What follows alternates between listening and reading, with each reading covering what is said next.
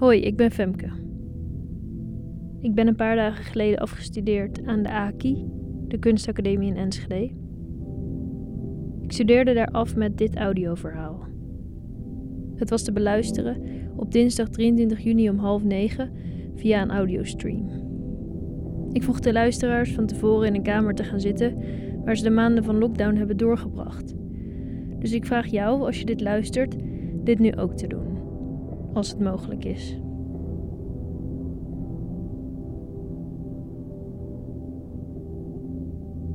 Dan gaat het verhaal nu beginnen. Ik hoop dat je het mooi vindt.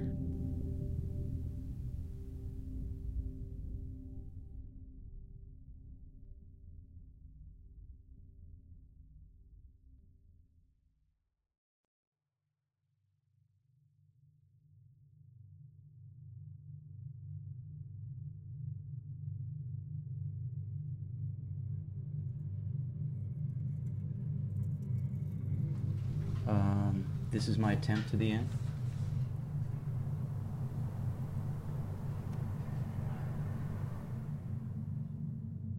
This is my attempt to make sense of the period that followed, weeks and then months that cut loose any fixed idea I had ever had about death, about illness, about probability and luck, about good fortune and bad, about marriage and children and memory, about grief, about the ways in which people do and do not deal with the fact that life ends, about the shallowness of sanity, about life itself.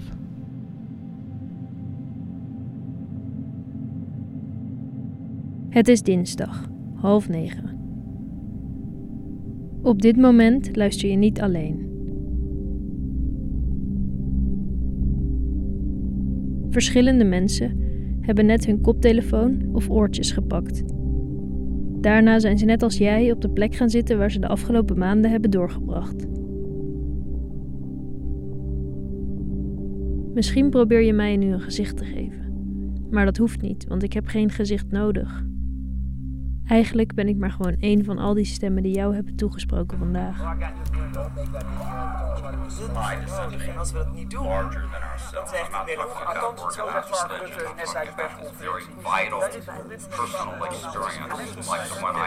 is een andere Denk aan de gezichten van de mensen die nu luisteren. Zouden ze hun ogen dicht hebben? Mijn stem bestaat op dit moment alleen in de hoofden van die mensen. En in die van jou natuurlijk. Ik wil je vragen nu naar een uitzicht te zoeken. Een uitzicht op huizen, straten of flatgebouwen. Het liefst op achtertuinen en met ramen en deuren in zicht. Als je een uitzicht hebt gevonden, blijf je staan.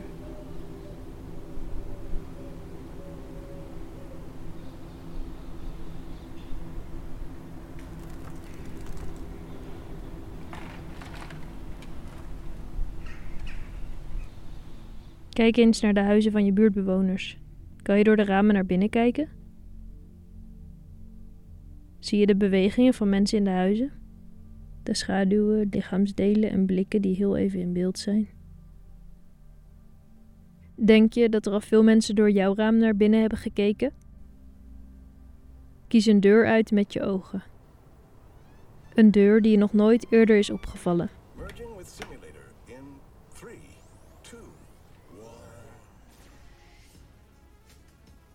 Achter die deur zit misschien een jong stel op de bank in de woonkamer. Terwijl ze pizza eten, kijken ze de eerste aflevering van een serie waar ze net aan begonnen zijn. Achter de deur van drie huizen verderop hangt een alleenstaande vrouw haar jas op. Ze heeft net boodschappen gedaan. In een van de huizen waar ze langs liep, probeert de man zijn dochter een rekensom uit te leggen. Hun nadenken wordt verstoord doordat er in de woonkamer van de buren ruzie gemaakt wordt. In het huis daar tegenover vraagt een meisje aan haar moeder of ze de hond eten mag geven. In het huis naast die van het stel dat nog steeds aandachtig een serie aan het bekijken is, ligt een jongetje op zijn bed. Hij kijkt naar buiten en laat zijn blik langs de huizen gaan. Wat speelt er zich, Wat speelt er zich achter al die voordeuren af? Achter het ene raam staat er iemand die al heel lang alleen is. achter een andere iemand die heel graag alleen wil zijn. Dan kijkt het jongetje even naar jou. Wanneer ben je voor het laatst in iemands anders huis geweest? Wat was toen de manier van begroeten? En wanneer heb je voor het laatst zelf iemand binnengelaten? In welke kamer ben je te vinden? Doe je ogen dicht.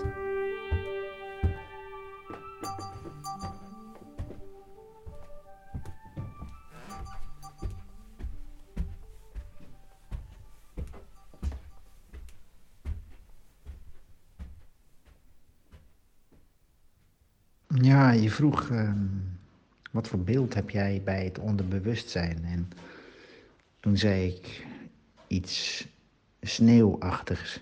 Een plek waar alles wordt opgeslagen en zorgvuldig wordt afgewogen. In films zie je dat wel eens, dan heb je zo'n soort bibliotheek.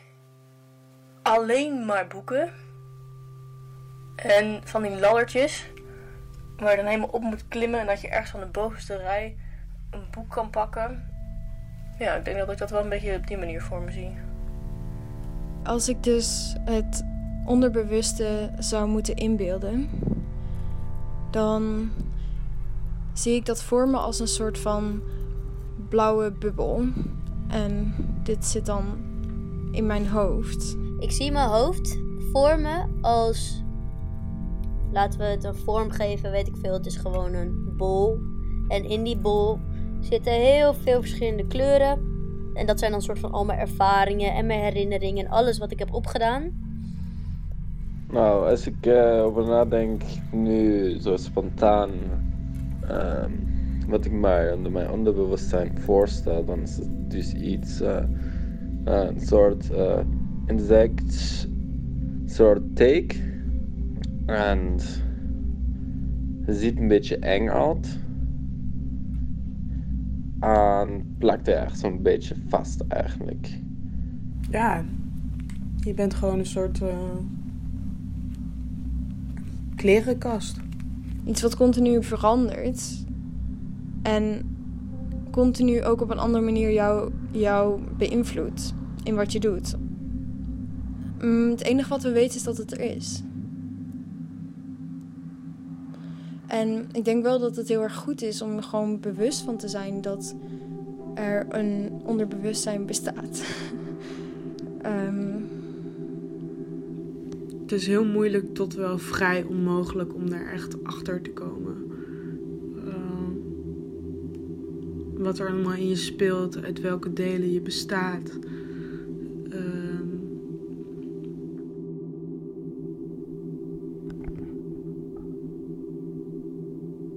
Ga nu weer terug naar de plek waar je bent begonnen met luisteren. Zoek een bank of een bed en ga liggen.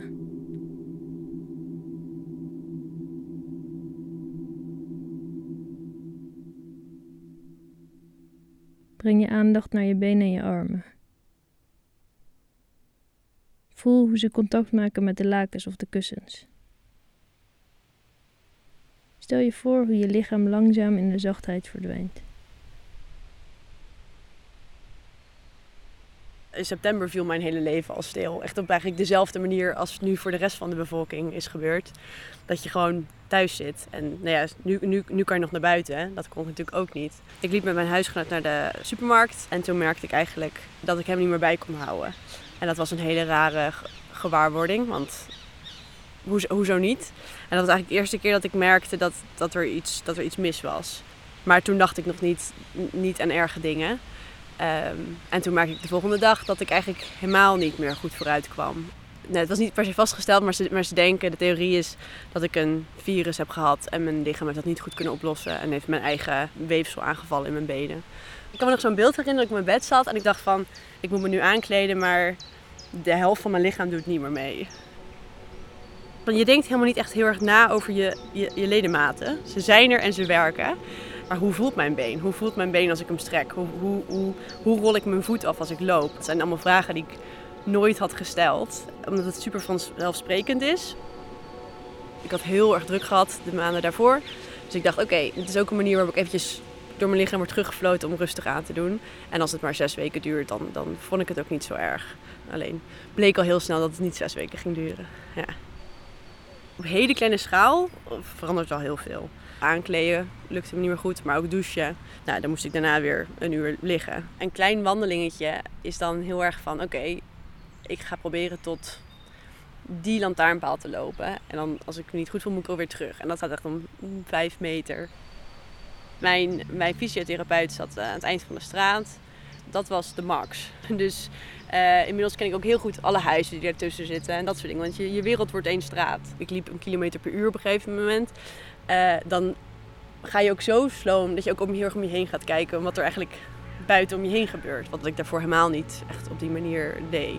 Het voelde ook wel als, alsof ik steeds uh, een beetje op avontuur ging. Als ik dan één straat verder was. Omdat dat gewoon iets was wat ik inderdaad in, in maanden niet had gezien. En niet wist wat precies de afstand was. Ik ben ook heel lang niet alleen naar buiten geweest. Dus ik ga pas sinds heel recentelijk in mijn eentje weer naar buiten. En waar was je dan precies bang voor? Ja, bang dat ik zou vallen, denk ik. Iemand stoot het tegen mij aan. Dat kon voor mij het maken of breken of ik thuis kon komen. Ik ben denk ik iets oplettender geworden. Gewoon, die angst blijft eigenlijk nog veel langer zitten dan het lichamelijke. Ja.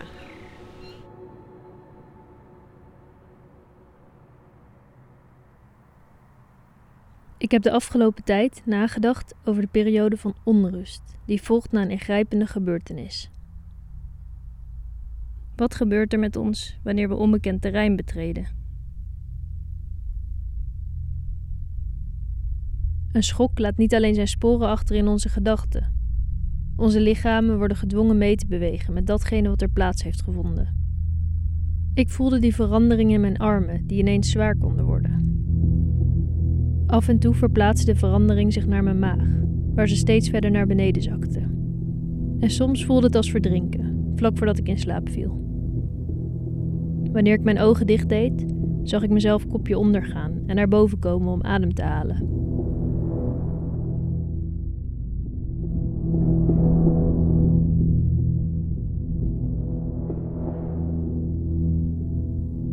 Terwijl we ons overgeven aan verwarring, zijn onze hersenen bezig de gebeurtenis een plek te geven. Het zal binnen een kader geplaatst moeten worden, maar dat kader bestaat nog niet. Niet als je zoiets nog nooit hebt meegemaakt.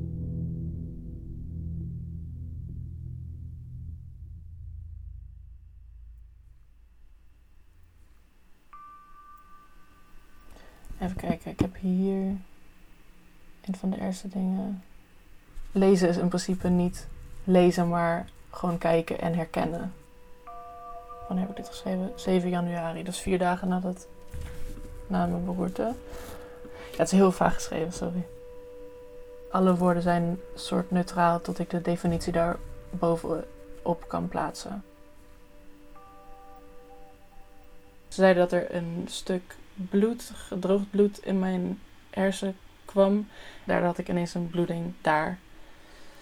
Ehm, en dat kwam waarschijnlijk omdat ik een gat heb in mijn hart.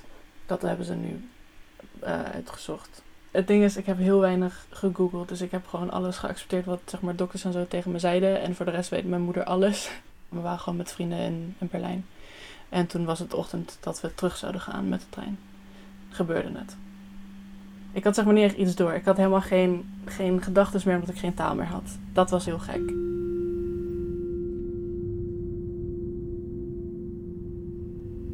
Ik kan alles herinneren behalve zeg maar die epilepsieaanval. Dus ik weet gewoon hoe ik daar in de trein zat en gewoon een beetje aan het kijken was. En ik had heel veel hoofdpijn. Dat was wel naar, maar voor de rest viel het best wel mee in mijn hoofd. Als je geen gedachten hebt, dan zie je alleen precies wat er is. En daar stopt het. Ja, meer dan dat zie je niet. Dus ik zou nu alleen maar gewoon naar jou kijken en dan is dat alles wat ik, waar ik mee bezig ben.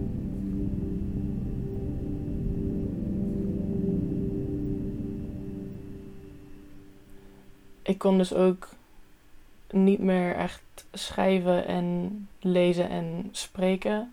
Dat was weg. Het was heel gek omdat ik heel veel moest uh, ondertekenen. Want ze hebben heel veel tests gedaan natuurlijk meteen in het ziekenhuis. Maar ik kon, dat kon ik ook niet lezen. En het was alsof de hele taal buiten in de lucht ergens zat en dat ik het ongeveer zag, maar dat ik niet helemaal snapte van oh, dit is het woord dat ik nodig heb.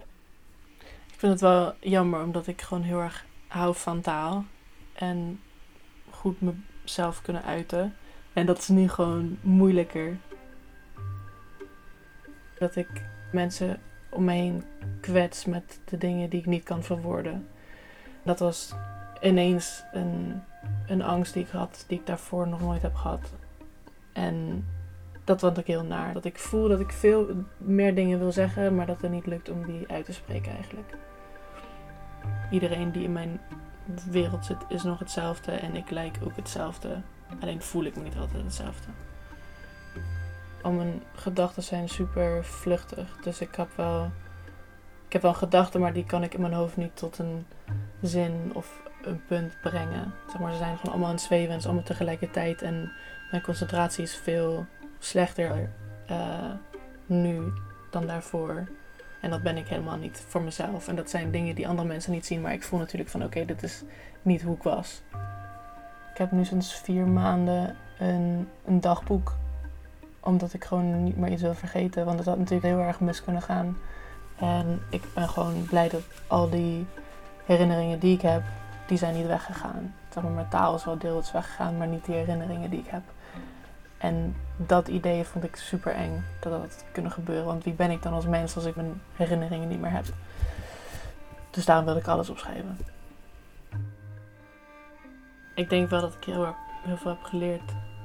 En dat is gewoon dat ik gewoon iets rustiger aan moet doen en meer dingen moet accepteren die met mij gebeuren. Niet dingen die ik doe, maar die met mij gebeuren. Dus daar heb ik geen controle over. Dus dat is fijn als ik gewoon meega met wat er gebeurt. Ik heb een andere rust, zeg maar. Met grotere dingen denk ik dat ik meer rust heb. Met kleine dingen zoals presentaties en school en deadlines, daar heb ik nog steeds heel veel stress. Maar over het algemeen in mijn leven heb ik misschien meer rust. Vanwege dit.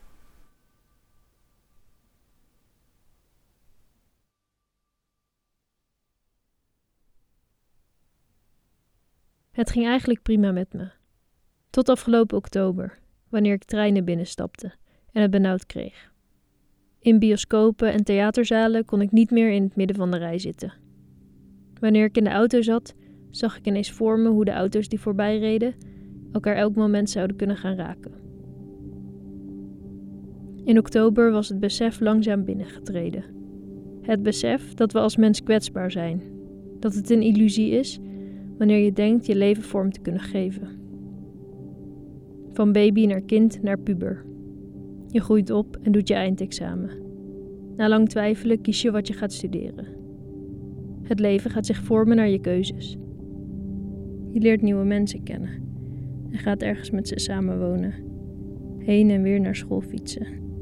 We kookten en aten samen, gingen naar feestjes en deelden onze interesses en groeiende ideeën. Zo werden we onderdeel van elkaar. De zomers werden gevuld met weinig plannen, maar met momenten, festivals en verhalen. Vorige zomer zijn we een van ons kwijtgeraakt. In de zoektocht naar antwoorden kwam ik alleen maar op meer vragen uit. Om terug te gaan naar het dagelijkse leven zou er een sprong moeten worden gemaakt in de vorm van vertrouwen. Die sprong lijkt bijna van religieuze aard. Ik ben terug bij af. Heel even voel ik de warmte die te vinden is in complete overgave. Maar echt loslaten kan ik niet.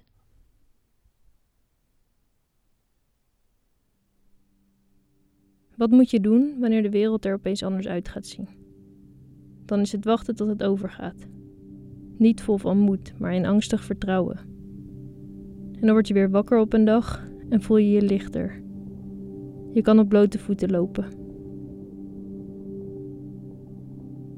Net zoals de zon die in de lente je kamer binnenkomt, ontvlamt er iets van binnen. Waar luister je naar als ik zo stop met praten? Als de muziek die je hoort steeds zachter wordt? Ga dan naar buiten of doe je raam open. Wanneer je je koptelefoon afdoet, zal niet alleen jij dat doen. Met een heleboel andere oren zal er geluisterd worden naar de stilte. naar het geluid van de wind, een brommer die voorbij rijdt, naar het luiden van een kerkklok of naar een zwerm vogels die zich boven de straten beweegt. Stel je zo voor dat er een lijn van oor naar oor wordt getrokken door alle hoofden heen. En wanneer je over een tijdje weer alleen bent en het stil is en je weer aan al die oren denkt, doet iemand anders dat misschien ook. Wanneer je loslaat, sta je in verbinding